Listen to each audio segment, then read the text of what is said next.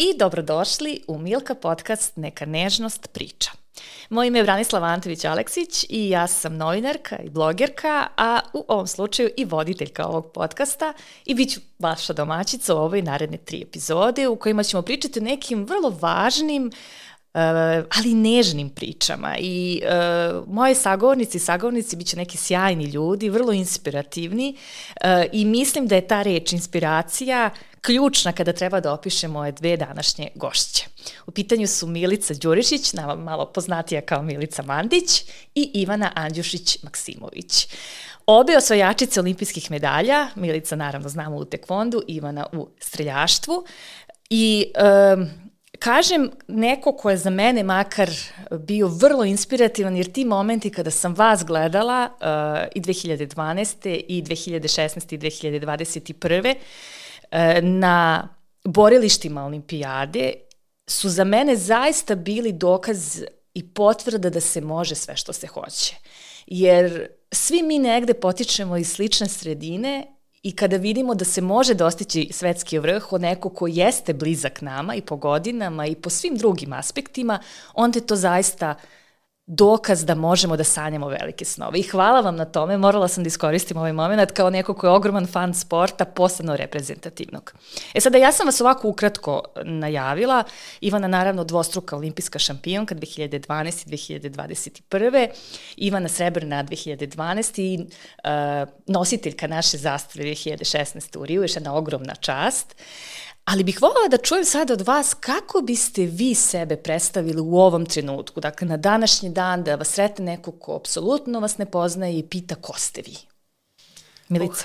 Uh, pa te, težak zadatak.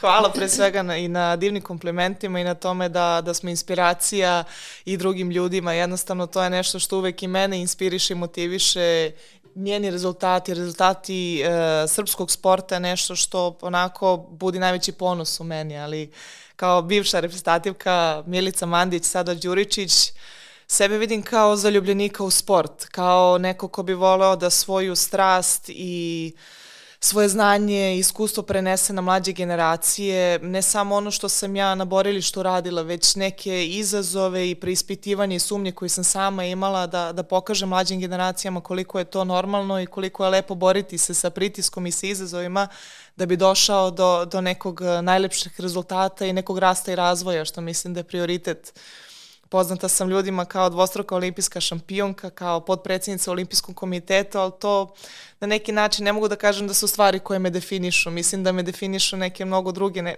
da kažem za mene lepe stvari, a to je posvećenost i strajnost, neka podrška meni dragih ljudi koje me izgradila da budem danas ono što jesam.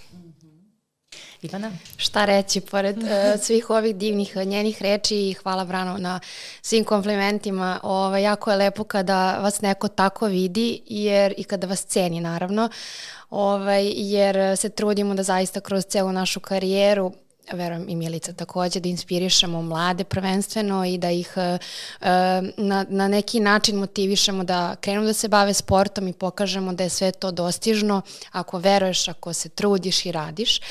A kako ja sebe vidim trenutno, um, ja sebe vidim kao majku. To mi je onako mhm. najbitnija uloga već četiri godine i nekako to je ono što me definiše i gde sam najsrećnija.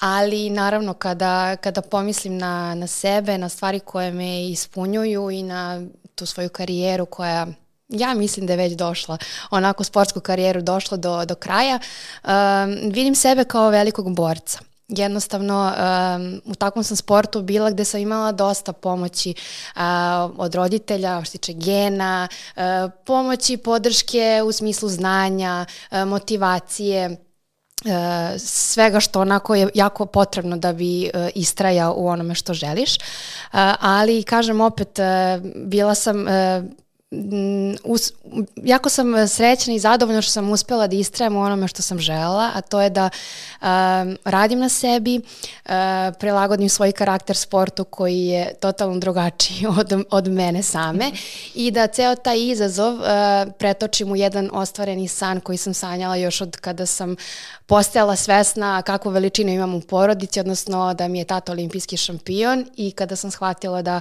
ja želim to što on ima, to jeste zlatna olimpijska olimpijska medalja. Ovoga puta srebrna u mojim rukama i zato je Milica zauvek uh, inspiracija i za mene i za prijatelja oko mene, jer jednom osvojiti, to je stvarno velika, velika stvar, ali uh, odbraniti je, Mico, šta da ti kažem, svaka ti čast.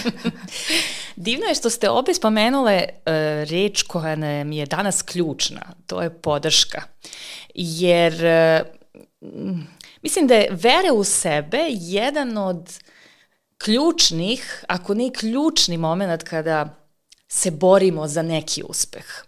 A sad, vera u sebe, ja makar mislim da ne nastaje sama od sebe. Redki su oni koji su toliko snažni da je stvore u sebi bez obzira na neke spoljne okolnosti. Mislim da oni koji nas podržavaju, dakle ti neki ljudi iz najužeg našeg okruženja, su ti koji nam daju te, te, te klice tog samopouzdanja koje kasnije prerasta u ozbiljnu veru u sebe. I mi ćemo danas zapravo o tome najviše pričati, to će biti naša tema.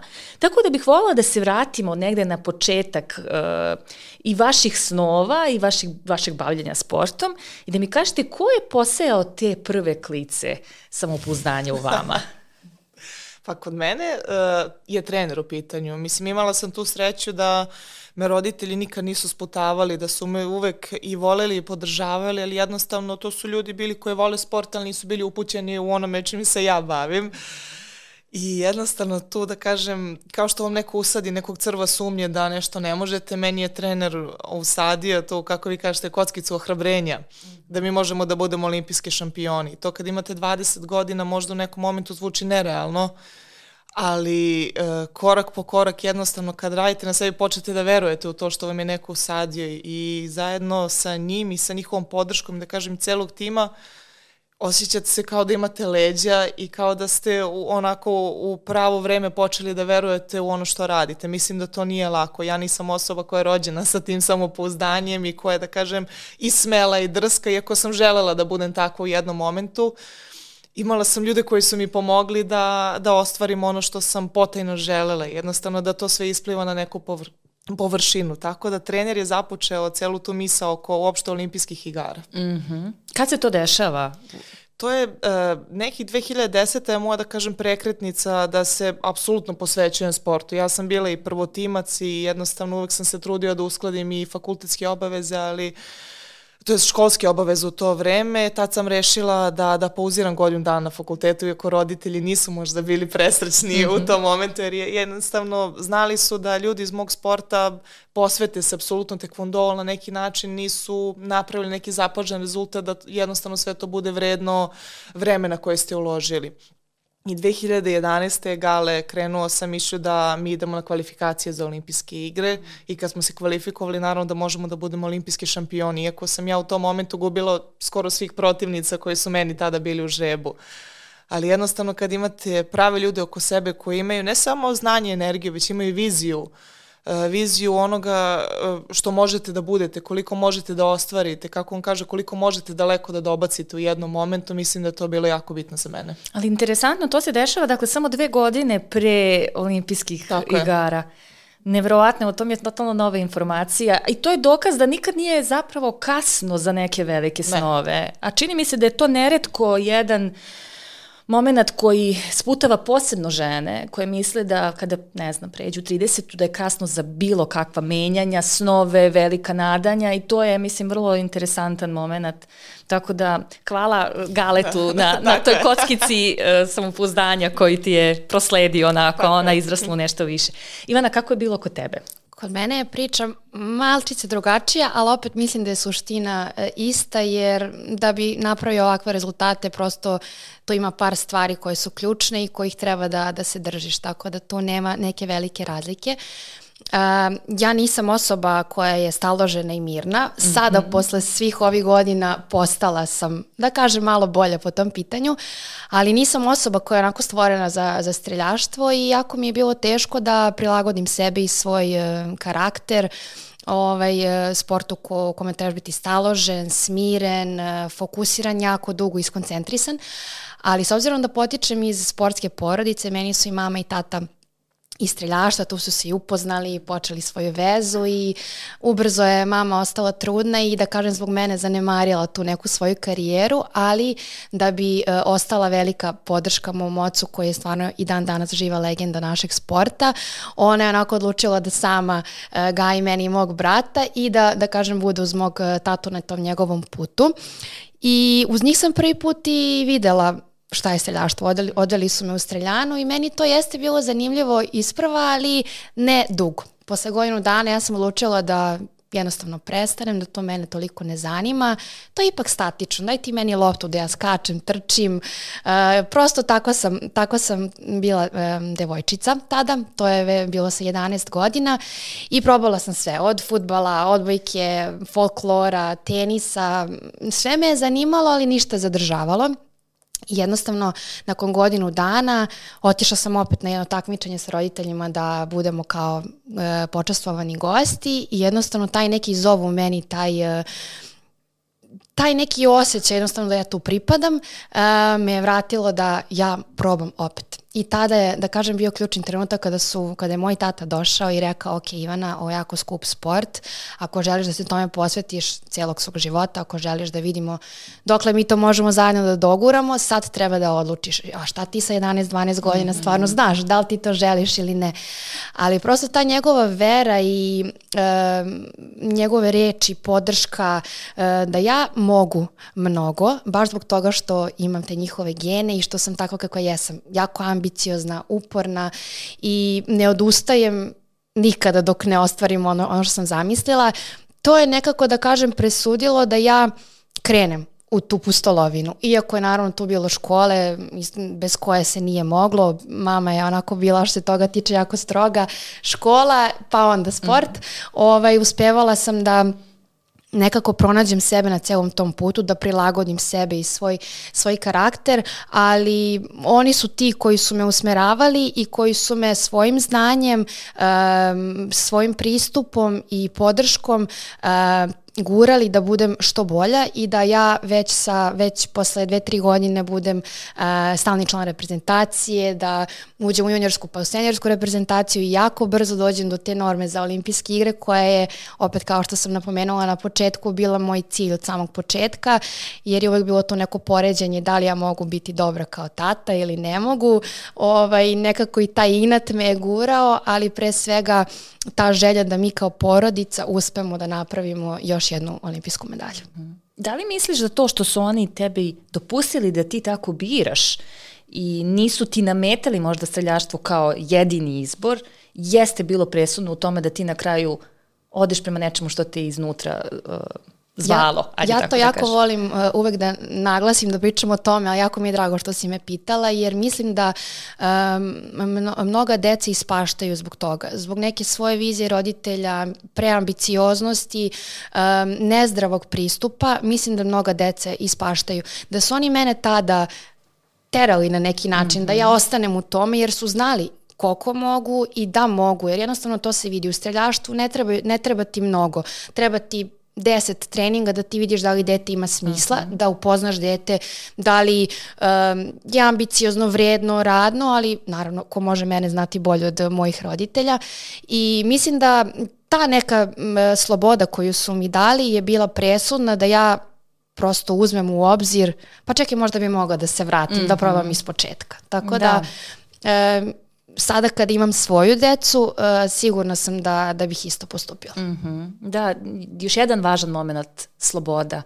I opet vera da će uh, ta neka osoba izabrati najbolje za sebe. I to mislim da je stvarno ključan moment u tim odnosima. Milice, koliko, su, koliko je tvoje okruženje imalo veru u tebe kada si odlučila da se baviš sportom koji i dalje se naziva muškim? E sad, ja, ja uh, ne volim više da to kao namećem, ali jeste negde i dalje vrlo prisutan uh, taj moment da su borilačke veštine nešto zašto će muškarci biti bolji kandidati. Slažem se. o, ovaj, pa to je nešto, mislim, ne mogu kažem da se borim sa tim, ali iskreno, toliko mi je drago što su, da kažem, uh, najveći rezultati srpskog tekvondoa napravile devojke. I pored mene tu je Tijana Bogdanović, Vanja Stanković, Nađa Saković, znači to su sve same mlade devojke koje su toliko lepi i ženstvene, a prave mnogo bolje rezultate nego muškarci. To je nešto na što sam izuzetno ponosna, jer smo uh, pred deseta godina pokrenuli taj talas devojčica koji se bukvalno sam javio i dolazio sa željom da, da napreduje i da pravi rezultate, ali Mislim da je najbitnije u početku bilo poverenje koje su moji roditelji imali u Galete i ono što sam ja izabrala. Jednostavno, uh, E, na tome se gradi svaki zdrav odnos, jer e, treba prepustiti svoje dete da ide sa trenerom, sa klubom na takmičenje, na pripreme. Mislim da to nije ni malo lak zadatak, ja još ne znam, ali verovatno ovaj, i, i jeste tako.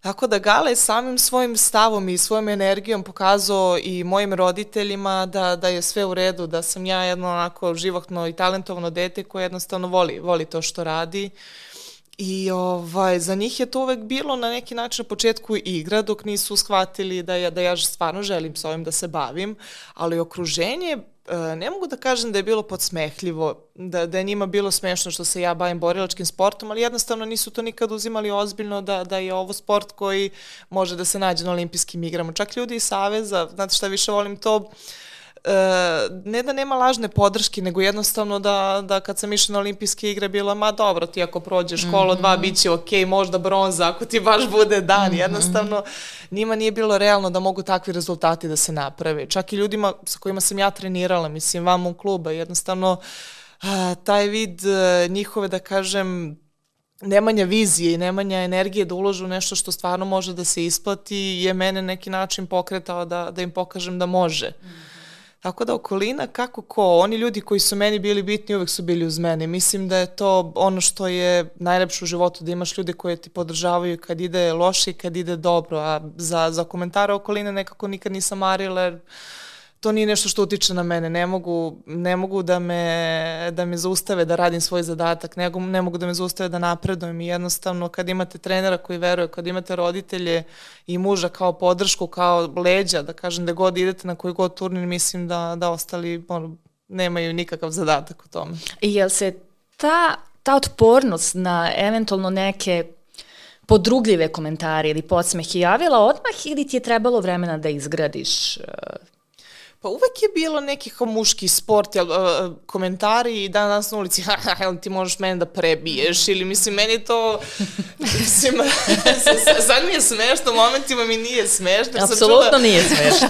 milion puta i svi misle da sam prvi put čula to jedno isto ovaj, šala, ali dobro, mislim, znate šta, nekako stvarno nikad se nisam obazirana na to. To su neke površne stvari. Ja stvarno u karijeri uh, uvek sam imala toliko divne i pozitivne ljudi, pozitivne komentare, nikad ništa loše o sebi nisam čula i mislim da je to nešto što je onako me, meni mnogo lepo, tako da sve te neke površne stvari nekako nisam uzimala u obzir. Mm -hmm, mm -hmm. Napravila si jasnu razliku između onog što treba. Pa naravno, uh, onih koje ja volim i koji mene cene i onih kojima to je jednostavno šalo usput, mm -hmm. da mhm. kažem.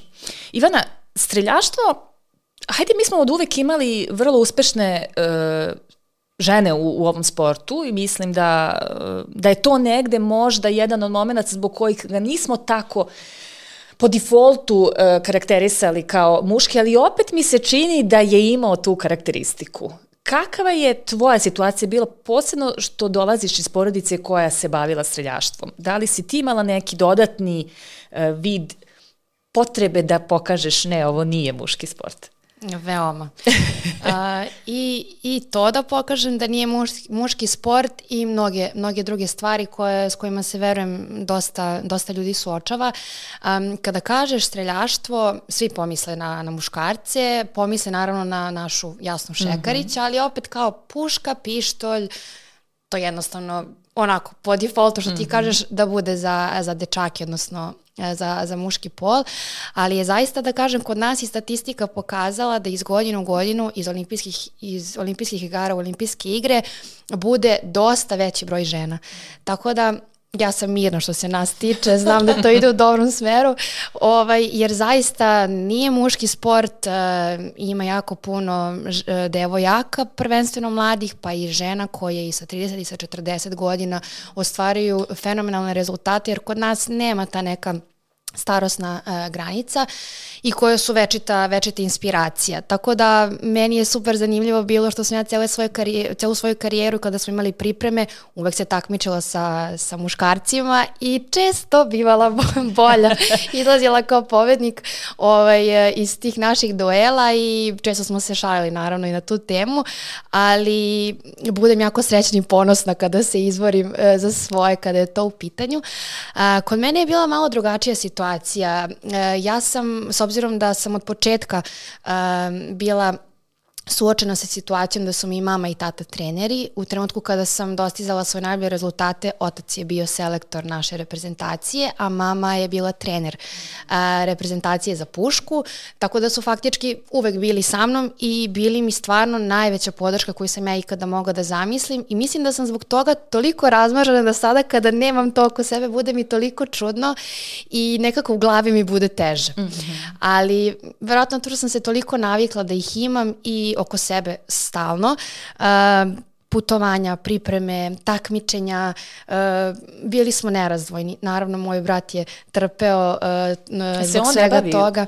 Uh, on je počeo, bavio se neko vreme i jednostavno, da, ja volim da kažem da je on onaj pametniji član porodice, on je onako više za kompjutere i za tu IT tehnologiju, tako da je on na osnovu streljaštva otišao u Ameriku, e, i, ali tamo već posle godinu dana je, je odustao i posvetio se baš studijama i tamo sad živi i radi, jako je zadovoljan. Sport ga nešto puno ne zanima, pozove, kaže hajde srećno ili javi kako si prošla i to je to.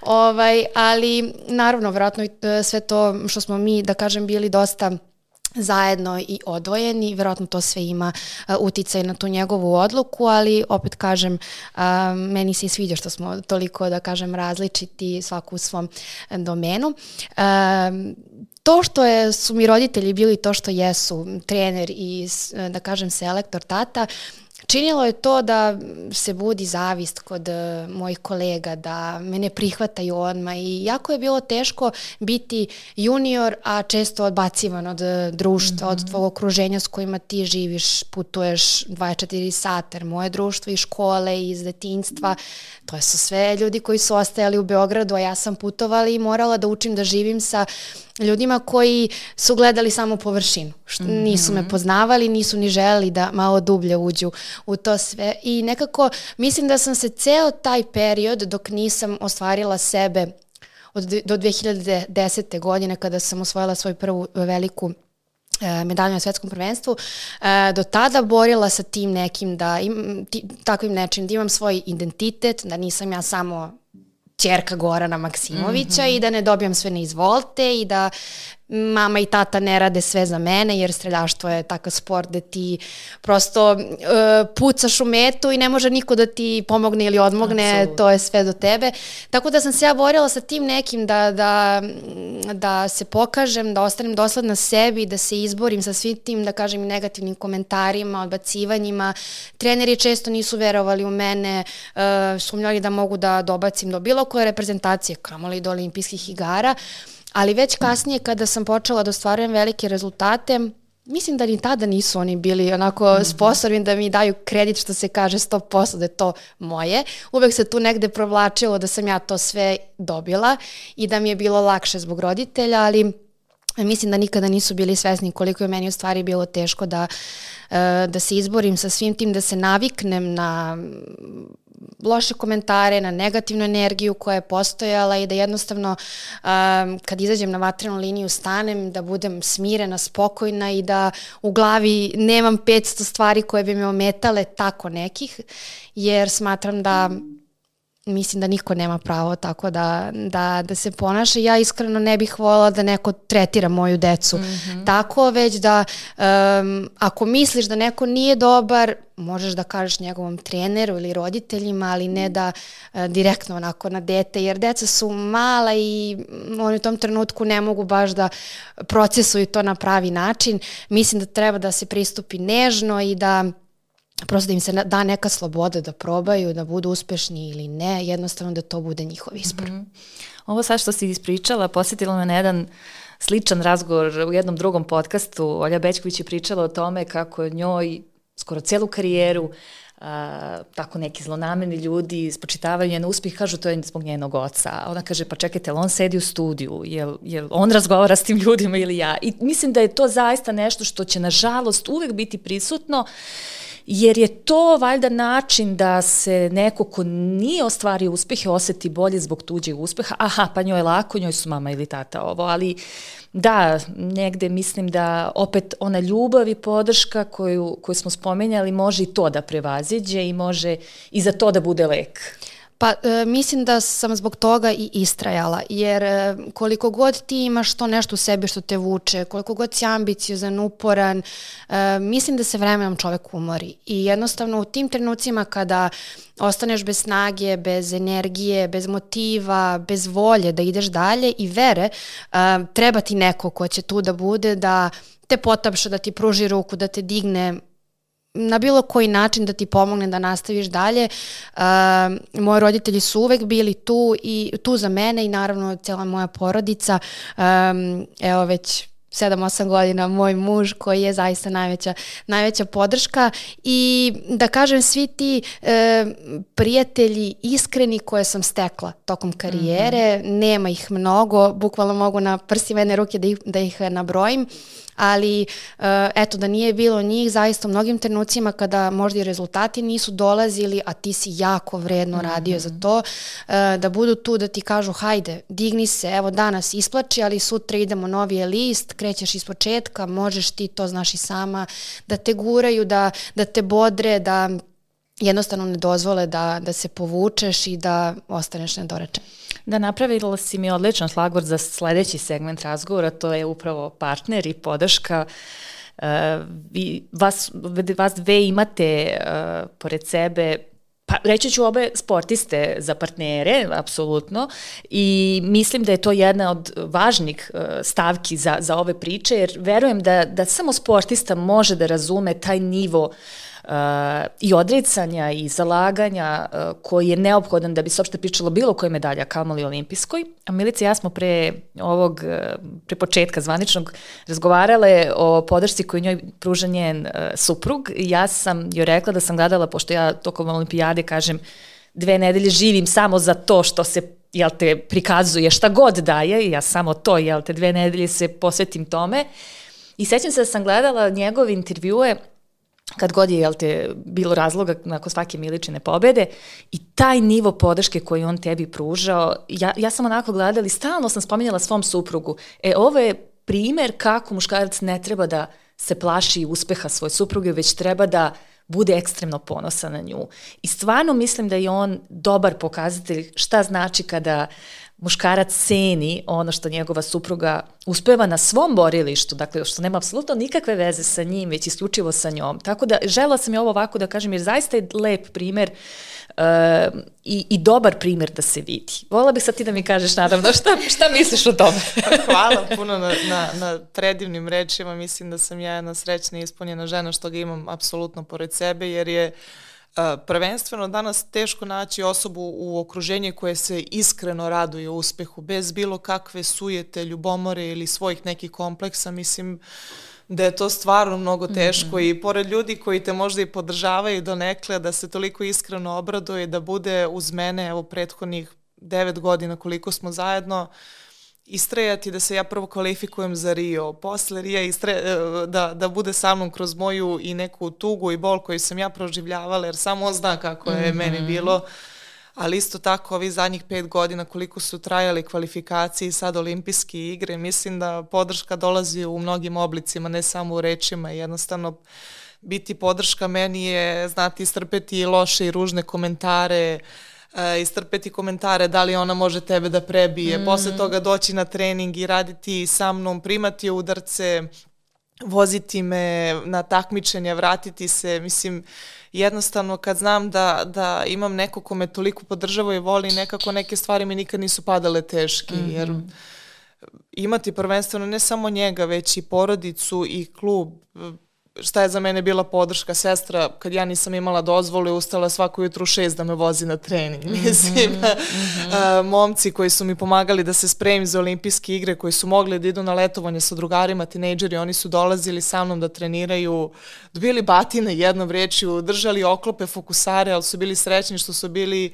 sa mnom na putu do Tokija. Jednostavno, to je sve podrška koju sam ja osetila prvenstveno iz kuće, od supruga, od roditelja, od sestre, i kad se okružiš tim pravim ljudima, mislim da i stvari koje ti nekad padaju teško i kad nisi dovoljno motivisan, jednostavno sam njihov njihove rečenice na, na takav dan kad je loš ili jednostavno neki njihov postupak, kad meni prećute moju nervozu, mislim da je to podrška, mm -hmm, jer mhm, jednostavno mm -hmm. svi znamo kako, kako se ponašamo pred veliki turnir, kad, kad se jednostavno sve toliko približi, kad sumnjaš u sebe, kad preispituješ svaki korak koji napraviš na, na, na tatamiju, jednostavno to je, znaš da dolazi nešto veliko, a nisi siguran da li možeš da, da izdržiš to do kraja, da li možeš da ostvariš ono što si zamislio. Mislim da tu uh, nastupa njihova prava uloga, to je da da pričaju sa mnom kad misle da treba da mi prećute, kad misle da treba da me jednostavno poguraju to malo napred, da, da prevazićem tu neku svoju granicu na treningu i jednostavno uh,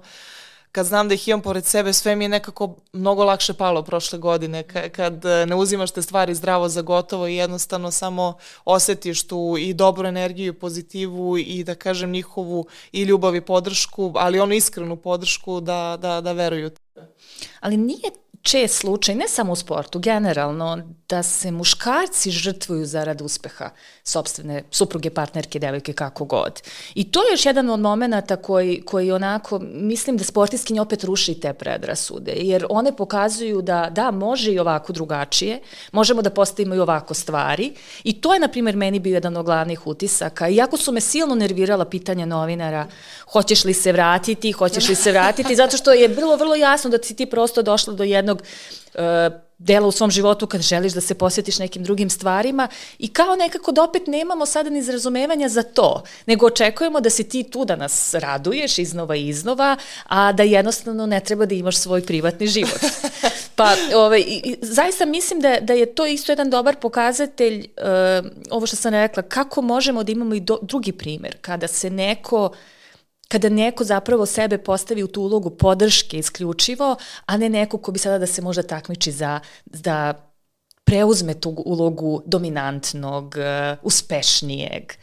Pa slažem se, mislim, prvenstveno to su ljudi bili podeljeni, povuci se kad si najbolja, s druge strane, šta je još tri godine? Ljud, ne shvate ljudi tri godine, ne samo moje posvećenosti, njegove posvećenosti, mm -hmm. mom cilju, porodica, klub, jednostavno to je cela piramida podrške, da kažem, kako imate sportistu i treneri, taj trener ima porodicu i ja znam da Galetova porodica nije njega podržavala, mm -hmm. njegova supruga i troje dece, mm -hmm. mi ne bi pravili ove rezultate. Isto imate nutricionistu, kondicion trener, ovaj, psihologa koji je jako bitan i na kraju sve te ljude koji treniraju svaki dan da oni ne mare za rezultat koji smo mi napravili, oni ne bi dolazili. Jednostavno, cijela ta piramida, svako ima svoju tu neku ulogu. A što se tiče uh, Marka konkretno, nikad nisam osetila ni jednu trunku ne mu kažem ljubomore, sujete, jednostavno kad si toliko čist na to svom putu, jed, koliko je on mene podržavao, toliko sam ja njega i kad se on borio, jednostavno uh, Uh, njegov rezultat, evropska medalja koju napravi, meni je jedna od najdržih koju, koju imam, jer znam da je sve to zajednički uspeh i kad, kad ste, da kažem, na istoj talasnoj dužini, kad se gradite zajedno, mislim da, da nema ništa lepše od toga. Mm -hmm. Ivana, kod vas je situacija malo drugačija jer ne pripadate istom sportu. Danilo je košarkaš. E, kakva je, kakva je tu bila uh, postavka odnosa? Kako, kako si ti osjećala, uh, koliko je za tebe bila važna njegova? Mislim, to je glupo pitanje, bila ti je važna sigurno, ali me interesuje u čemu je bila njegova ta ključna uloga kada pričamo o možda tvojim usponima, padovima, željama, nadanjima? Ja mislim da sam ja njemu već došla kao formirani paket, odnosno već kao ostvarena, da kažem, žena, jer mi smo se upoznali posle olimpijskih igara kada sam ja već u rukama imala tu mhm. medalju i tada je bila cela, da kažem, i um, buka oko mene, što u medijima, što cijela ta euforija je, je krenula da se Jesi diže. Jesi mu se svidela dok si bila na postolju? Da, kaže, makar on tad kaže da me tad gledao. Sumnjam da je on pre, pre video nešto. Tada pre, ti pre video toga. rekao, ovo će biti moja žena. Da, da. O, mislim, to je njegova priča. Koliko je to tačno? Ovaj, Svaista, to mu je priča? Da, da, da me tada video i mi smo se upoznali uh, godinu dana kasnije preko zajedničkog prijatelja košakaša s kim sam ja bila na mediteranskim igrama. Da, on tad nije bio u timu, nego taj je njegov drug Đole, on je sada naš kum i preko njega smo se upoznali. I tako je krenula cijela priča, ali on je od starta znao ko sam ja, da ja imam svoj cilj i da želim da učestvujem na još jednim uh, olimpijskim igrama i da prosto ako se odlučim za ceo taj proces, baš zbog posvećenosti celog tima mojih roditelja, psihologa, da sad ne nabrajam uh, ljude koji su danonoćno uz tebe i tvoja podrška, prosto uh, ne možeš da posle, ne znam, mesec, dva odlučiš, e, ajde nećemo sada da, da ispratimo ovaj ciklus, mm -hmm. nego hajmo mi sad nešto drugo. Tako da je uvek bilo onako mojima, e, kada, kada kod smo se vraćali, ne znam, sa putovanja, sa odmora, ja kažem, mama, imamo nešto jako važno da vam kaže. A mama kaže, samo da nisi trudna, jer, jer, jer bi znala da ja, tada se naravno sve prekida i, i, i nema dalje. To je naravno bila šala, jer oni su jedva čekali, a i ja. I nekako mi smo se venčali 2015. godine i sećam se ta godina 2015. i 16. to je toliko meni bilo uh, naporno jer s jedne strane uh, crpiš i tražiš ponovnu motivaciju da ponoviš London, ti sama znaš kako je to teško, ovaj, a opet toliko želiš da se ostvariš kao majka, da se posvetiš porodici jer si se udala nekako, to je normalan sled do, događaja, tada sam i dobro i dalje, ali tada sam glavu gubila za Danila, mogla sam po ceo dan i noć da budem s njim, da ne mislim ni o čemu drugome, jednostavno ono kao idem na takmičenja, pa ono u jednom trenutku razmisliš, pa da li moram, kao ipak bi otišla kod njega da, da budemo zajedno i nekako svi ti osjećaji pomešani, ali da nije bilo njega da, da bude podrška u tom smislu, hajde izdrži, vidjet ćemo se za mesec dana. Mi smo umeli po dva, tri meseca unapred da planiramo tih dan ili dva kad ćemo se mi videti, jer e, moje pripreme putovanja, njegov klub i njegove obaveze zaista je bilo jako teško i celo to žrtvovanje da mi nismo znali zašto to radimo, to 100% ne bi, ne bi opstalo. I ja volim da kažem 2015. kada, smo, kada sam osvojila svoju uh, zlatnu medalju na Evropskom prvenstvu, da mi je to jedna od dražih, pa posle olimpijskih igara najdraža, baš zato što je, da kažem, naša. Mm -hmm. Onako, on je tada došao, bio uz mene, uh, jako su mi bila bitna ta takmičenja kada je on bio u mogućnosti da, da dođe, da stoji iza mene, da se raduje. Uh, u finalu kada nisu bila dozvoljena navijanja, on je jednostavno dečko naviko na košarkaškim utakmicama, samo se on čuo na tribinama. Ovaj, jednostavno ta njegova energija i pozitiva je mene pokretala do nebesa i bila osveženje, jer kažem, već sam i na, bila naviknuta na mamu i tatu koja su stalno tu i koja uvek znaju da kažu pravu stvar u pravo vreme. Uh, evo jedna digresija, uh, brzo ću, ovaj, baš iz Londona volim to jako da spominjem, jer koliko je bitno da poznaješ svoje dete, odnosno svog uh, trener da poznaje mm -hmm. uh, da poznaje osobu koju trenira. Uh, jutro ja se budim pred sam nastup na olimpijskim igrama i dolazim u menzu sa mamom i ruke mi se ovako tresu, ne znam kako se zovem, ne znam gde sam došla i šta treba da radim. Bukvalno ništa. Sedam sa mamom i mama pita pa šta ti je? Jesi dobro spavala, te nešto boli? Ja mama, ja ovo ne mogu, ja, ma nema šanse, neće ovo da bude dobro, ne mogu. I mama na sred menze gde imate velika imena, velike sportiste, vrhunske, ustaje, uzima onaj uh, poslužavnik, baca, kako, kako, kako to govoriš, šta ti pričaš, pa kako tako možeš da razmišljaš, zašto si još te došla ovde, evo idi u sobu, spavaj, nemoj ideš na takmičenje ako imaš takav stav. I kreće da pravi frku i famu, svi je gledaju, a ja ako sedim i razmišljam, šta je ovoj ženi, šta sam ja loše rekla? Pa što se ona sad ovako ponaša? Samo sam je rekla kako se osjećam. I ja sam sve vreme putovanja do streljane, pripreme za, za takmičenje, čak i ulazak sam u meč, razmišljala sam naravno o svemu što ja radim, ali mi ona bila ovako ovde negde u, u, u malom mozgu, zašto se ona tako ponaša, šta sam ja to uradila? I ona na taj način, poznajući mene, rasteretila tih nekih negativnih misli preusmerila tu neku moju negativnu uh, energiju možda i tremu, u stvari negativnu tremu, da ja dođem do srži svoje i da ja odradim ceo meč bukvalno kao na treningu. Bez jedne trunke svesnosti da sam ja došla na olimpijske igre, gde su svude olimpijski krugovi, znaci, gde, je, gde su pune tribine i naravno pored mene najbolji, najbolje strel, najbolji strelci sveta. Prosto pomogla mi je da ja jednostavno se vratim u to neko svoje stanje kada sam smirena i kada mogu da pružim najbolje, najbolje od sebe. Da, opet priča o tome koliko je podrška koja ne mora uvek da stigne u formi lepe reči, u formi nežne reči.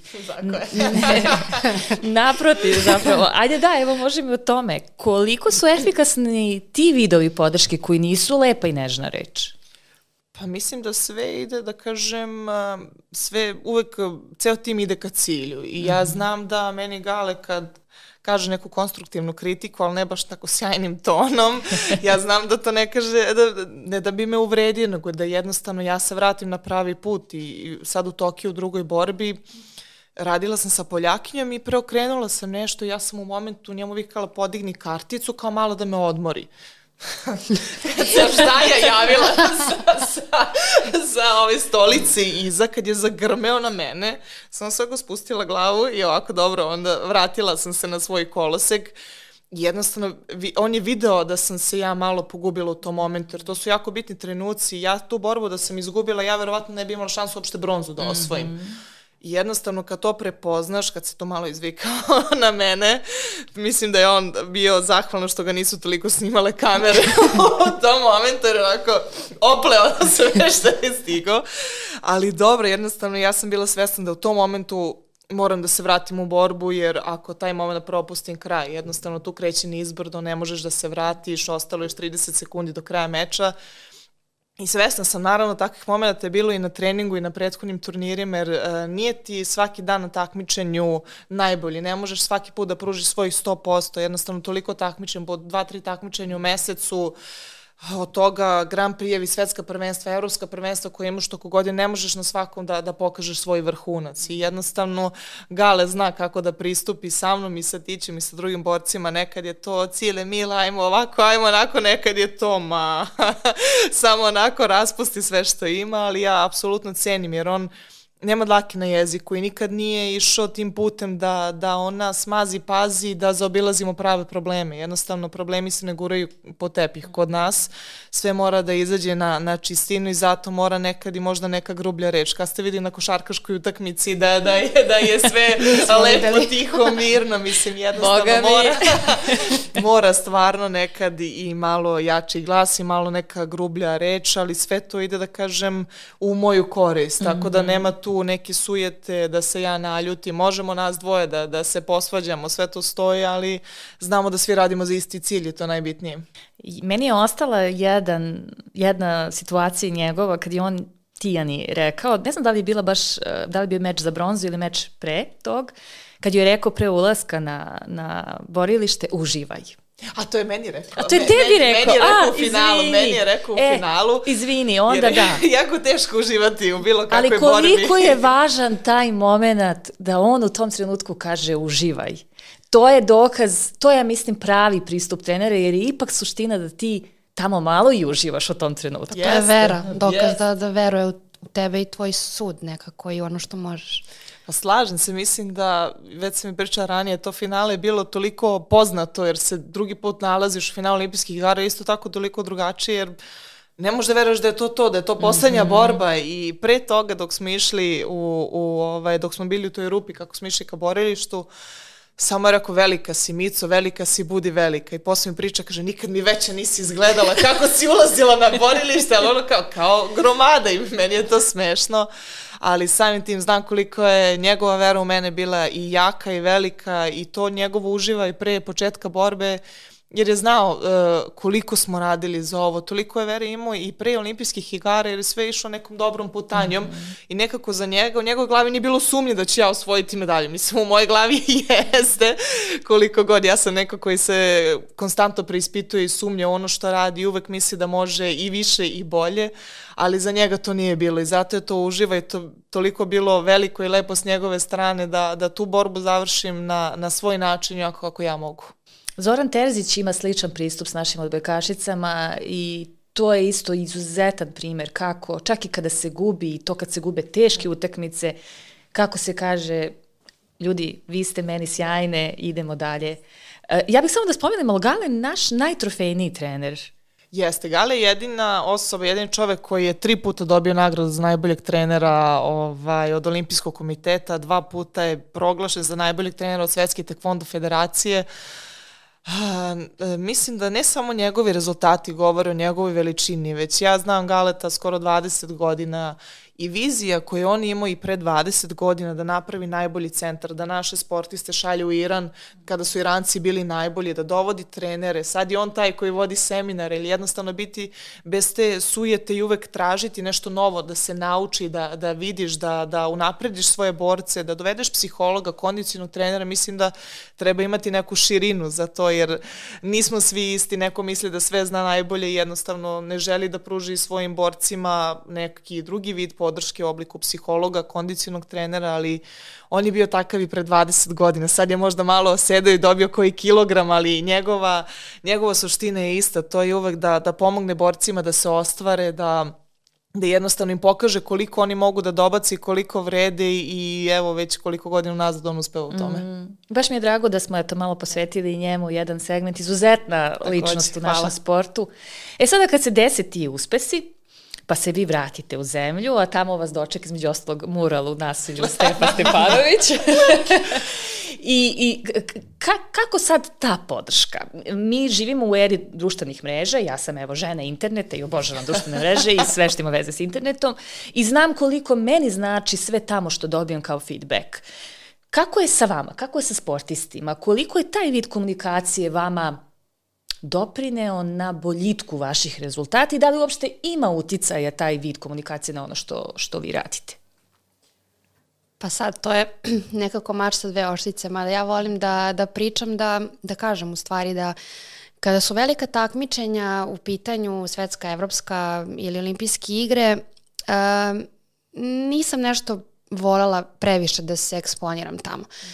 Um, Zato što ja nisam osoba koja kada dobije tako neku kritiku ru, ili ružnu reč, da kažem prvenstveno, pa kao pročitam kao da, kao da nisam ni pročitala. To meni nekako ostane i ne povredi me mm -hmm. duboko i ne budem ja tužna zbog toga i ne upropasti mi dan ili slično, ali nije kao da me ne dotakne. Mm -hmm. Jednostavno, uh, Um, toliko se trudim da radim na sebi, da se prezentujem u najboljem mogućem svetlu, da živim te neke svoje ideale i vizije, da sve što prezentujem deci, trudim se da budem idol, da to stvarno budem i kod kuće, da budem to i svoje deci i e, trudim se da promovišem te neke vrednosti koje sam dobila u kući koje sam nasledila od roditelja, koji su meni i bit će zauvek inspiracija za roditeljstvo i za, za sve, kako odgajati dete, i sa dobrim i lošim stvarima i jednostavno ostati dosledan da deca budu uh, dobri ljudi, a opet da budu uspešni i da, da kaže imaju do, dobru dušu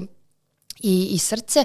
I nekako, da kažem, kada su takva takmičenja u pitanju, volim malo da se povučem. Nekako da prosto izbegnem sve te neke mhm. moguće uh, e, distrakcija, ako mogu tako da, da kažem. Ali ono što se, što je meni, da kažem, i sada posle to par godina, ja već dve godine uh, uopšte nisam, da kažem, ušla u streljanu jer sam uh, bila i trudna i sad eto na porodiljskom i nekako društvene mreže su meni mnogo donele uh, posle olimpijske medalje mm -hmm. u, mhm. u, u Londonu i nekako možda je i Rio, da kažem, da sam bila možda malo opuštenija baš zbog toga, jer tada sam uh, žela svima da sve pokažem, da jednostavno svi vide kako je to u selu, da vide, da upoznaju sportiste koji stvarno nisu nedostižni i nisu vanzemaljski zemaljci, nego su isto ljudi kao mi. E, da prosto osete i oni tu neku atmosferu, jer većina njih to verovatno neće moći da, mm -hmm. da, da, da doživi. Ovaj, I možda me i to na neki način, da kažem, opustilo, da ne budem 100, 200% e, fokusirana, ali evo sada kada nisam toliko u sportu, ovaj, zaista mi pomaže da se povežem sa, sa, sa sportistima, sa pozitivnim ljudima, sa ljudima koji veruju u te neke vrednosti koje su meni jako bitne, e, koje su tada bili velika podrška i sada, e, iako sada onako na, na mom profilu, recimo na Instagramu možete videti dosta stvari koje se ne tiču sporta, uglavnom je to majčinstvo, kuvanje, moda i tako te neke stvari koje mene zanimaju, ali prosto... Ivana uh, influencer. pa dobro, kako god. Ovaj, pa dobro, može. pa što da ne. Apsolutno. ovaj, ali jednostavno... Uh, sad si me skroz branom poremetila. to je to. Pričat ćemo posle, daću ti par da. saveta. Ma da ne treba, ti Ivana sjajna si, videla sam, vrlo si aktivna, zapratila Hvala sam te, ti puno. ovaj, eto, da nije tih društvenih mreža, ja ne bi došla do tebe. Ovaj, ne, bi, ne bi pratila tvoje inspirativne objave svakodnevno i ne bismo mi sada ovde sedele, verovatno. Kako? Tako da mislim da za, zaista društvena mreža, ako se e, koristi pravilno i u, u pozitivnom smislu i ako ljudi shvataju odgovornost svega što izgovore, postave, e, to stvarno može imati, da kažem, težinu i može pomoći mnogima. I mislim da je pravo sredstvo u današnje, današnje vreme da se pro, pro, propagira ono što je bitno, ono što je važno, ta neka lepa reč, nežnost, ljubav, podrška u, svak, u svakakvim oblicima, da jednostavno ljudi i ako požele da napišu nešto ružno, manje ružno, da ipak kažu, ma ajde, zašto bih ja to? Šta to može da pomogne? Ne može. Pusti, zadržat ću za sebe. Jednostavno da nekada što kaže Milica, znaš kada ućutiš, znaš kada trebaš da kažeš neku lepu reč, da ti ne bude teško da kažeš ja, Brano, kako imaš dobar karmin ili kako si ovo lepo rekla ili bravo Milice, stvarno si najveća na, na celom svetu, svaka ti čast ili u svakodnevnim nekim objavama uh, koliko to znači. Ja kada uh, okačim neki post, postavim neko pitanje, zaista svaki komentar mi bude dragocen i bude mi bude mi jako drago kada postoji taj neki feedback, naravno kad, i naročito kada je on pozitivan. Mm -hmm. Mico? Uh, ja, ja, ja, ti, ja ti tepam kao gale što ti rekao. dakle, ja sam malo specifična tu. Ja sam Instagram otvorila pre skoro 10 godina i, i to je jednostavno otvorila sam zato što mi se svidela kao društvena mreža i jednostavno uh, kroz sport tu smo negde slični, da ja uvek pre takmičenja volim i da se povučem, ne objavljujem mnogo, jednostavno to mi stvara neki pritisak koji ne moram već dovoljno sama sebi navija, tako da je to onako bilo... E, mnogo cenim ljude koji me podržavaju, koji me vole, svakako mural, medijska pažnja i svi ti ljudi koji te konstantno prate i koji ste pratili kad si gubio i kad pobeđuješ, to je divno, kao da imaš armiju ljudi koje te onako dodatno onako gura i daje ti vetra u leđa, ali E, ja s vremena na vreme molim da se povučem sa Instagrama, jer nekad kad osetim da mi mnogo vremena i energije oduzima, kad vidim stvari možda koje ne želim da, da gledam po društvenim mrežama, jednostavno samo ugasim, jer mislim da mi nekako oduzima toliko neke energije i vremena da samo želim da, da onako malo to stavim po strani, mm -hmm. da nemam mhm. društvene mreže, tako da imam svoje, da kažem, plus i minus faze što se tiče društvenih mreža. Mislim da ih svi imamo. Zato i volim nekako, mislim, i, i suprug i ja se često isključimo i jednostavno uživamo u trenutku, da ne mora sve u tom momentu da se slika, da se snimi, mm -hmm. da, da mhm. jednostavno se prepustimo nekim stvarima koje su vrednije u tom momentu, a navikli smo da, da izvadiš telefon, da, da u toku razgovora razgovora pišeš nekom poruku, mislim to je toliko postalo onako svakodnevnica, ali dobro, imati, imati ih sa, pored sebe, takve ljude, komentare, toliko ljubavi i sećam se i posle Rija kad sam ja bila sebi najgora na svetu, ja ne znam koliko sam lepih poruka podrške dobila da ti jednostavno ono vrati, dobro Milice postoji mm uh, lepa strana života, iako si ti izgubila na olimpijskim igrama, nije, mislim, to možda ljudima nije toliko bitno, ali jednostavno kad posvetiš život svom nekom cilju i ne ostvariš ga u tom momentu, ja sam svesna da sve dolazi u vreme, u pravo vreme onda kada si istinski spreman za, za to što si radio, ali tada kada nije došlo meni je to bio naravno, mm -hmm. ne mu kažem kraj sveta, ali jednostavno jedan veliki bol u meni ali ljudi koji me prate, koji me vole, jednostavno, oni su mi nekako možda malo vratili u, u ovaj svakodnevnicu, da se vratim možda svojim nekim rutinama i ljubav koju osetiš i podršku koju sam osetila u svom naselju kad sam dobila mural, to je nešto neprocenjivo i nešto što nikada nisam pomislila da mogu da doživim, da ću ja dobiti mural u Beogradu, mislim, to je nešto, ja i dan, danas ne mogu da poverujem, volim, šetam sa i prođem tamo. I, i kao uvek. Da. Stvarno mi je nekako neverovatno, jednostavno, ja sam od uvek volela i sportske veličine, obožava, ne znam, Paspal, Divac, Đorđević, e, majka me vodila na doček e, vaterpolista od bojkaša, jednostavno i dan danas se divim, vidim Miljkovića, Grbića, kao, meni su to ljudi, ono, svakako biti sa Novakom u selu, jednostavno, mene njihovi uspesi, utakmici iz 2000. godina mm -hmm. toliko onako motivišu, toliko ono gledati Ivanu Španović, njenu smelost, hrabrost da napravi najbolji skok u karijeri u Beogradu, pa to je takva sreća. Ja onako, sve vreme ježim iznova iznova. Slažem se, ali to, to, je ono, to je ono pravo što me pokreće, tako da tako nešto kad se svakodnevno deli na, na društvenim mrežama, onako ja bi po ceo dan onako mm -hmm. vrtela i gledala, gledala klipova sa takmičenja. Jeste i to je zaista ono čime sam i otvorila ovaj razgovor, inspiracija za sve nas, ogromna inspiracija kada zaista mi iz te male uboge zemlje nešto napravimo toliko veliko i kažemo aha, eto, može i ne može zaista da nas niko zaustavi ako imamo jasan cilj i jasan način da dođemo do njega. Ne mora da bude tako veliki kao što su olimpijske igre, ali za nas je možda i to nešto malo dovoljno veliko da, da tome stremimo. I u tome je, rekla bih, podrška nešto što nam je ekstremno važno, tako da bih volila i da zaključimo ovaj razgovor, eto sa možda još jednim kratkim osvrtom na to Ko je, šta, šta je za vas bila najvažnija podrška u životu? Kad biste se ovako osvrnuli i rekli to, to je ta osoba ili to je bio taj trenutak ili to je bio taj događaj?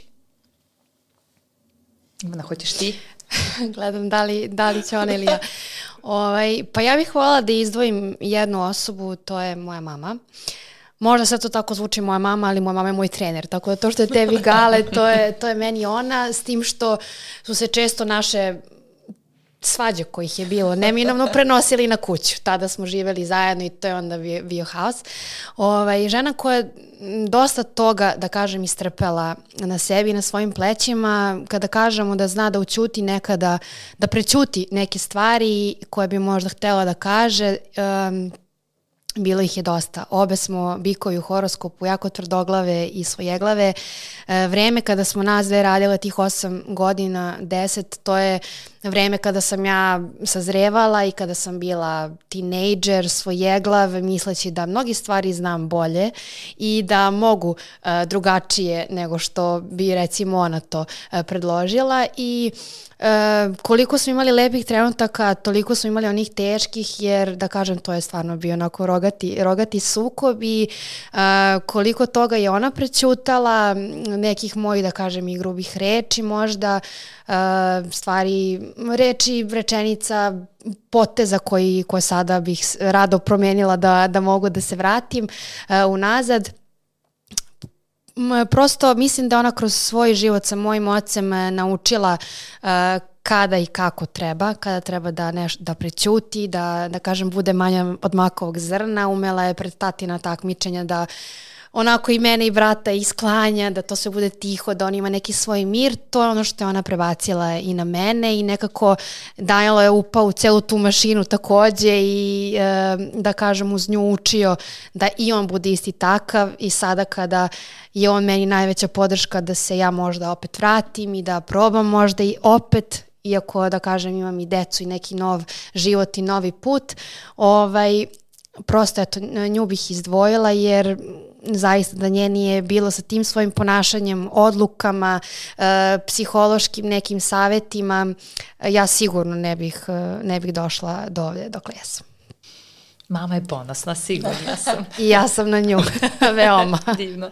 Milice? A, mislim da je uh, ta najveća neka podrška je ono zašto nisam znala i čula sam tek par godina kasnije, a to su razgovori Galete i mojih roditelja za koje ja nisam znala. Jednostavno, ja sam neko ko od uvek volao sport i volao da treniram, uh, ali naravno dođu, dođi pubertet, e, tinejdžerski neki dan i nikad nisam ja skretala sa puta, ali jednostavno ti razgovori za koje sam kasnije saznala da, da Milica treba da se drži na pravom putu, da treba neka takmičenja da se finansiraju i sa Galetove strane i sa naše, mislim da to je ono što me na neki način e, držalo u sportu, pogotovo kad, su mog, kad sam mogla da krenem nekom stramputicom, mislim da su oni imali tu jako veliku ulogu i večno ću im biti zahvalna jer uh, mislim da je prava podrška nekad i ne mešati se, ne stavljati svoje ambicije ispred uh, tuđih. Jednostavno način na koji su oni postupali sa mnom, ja bi volila jednog dana da postupam sa svojom decom jer Mislim da je to jako teško možda, možda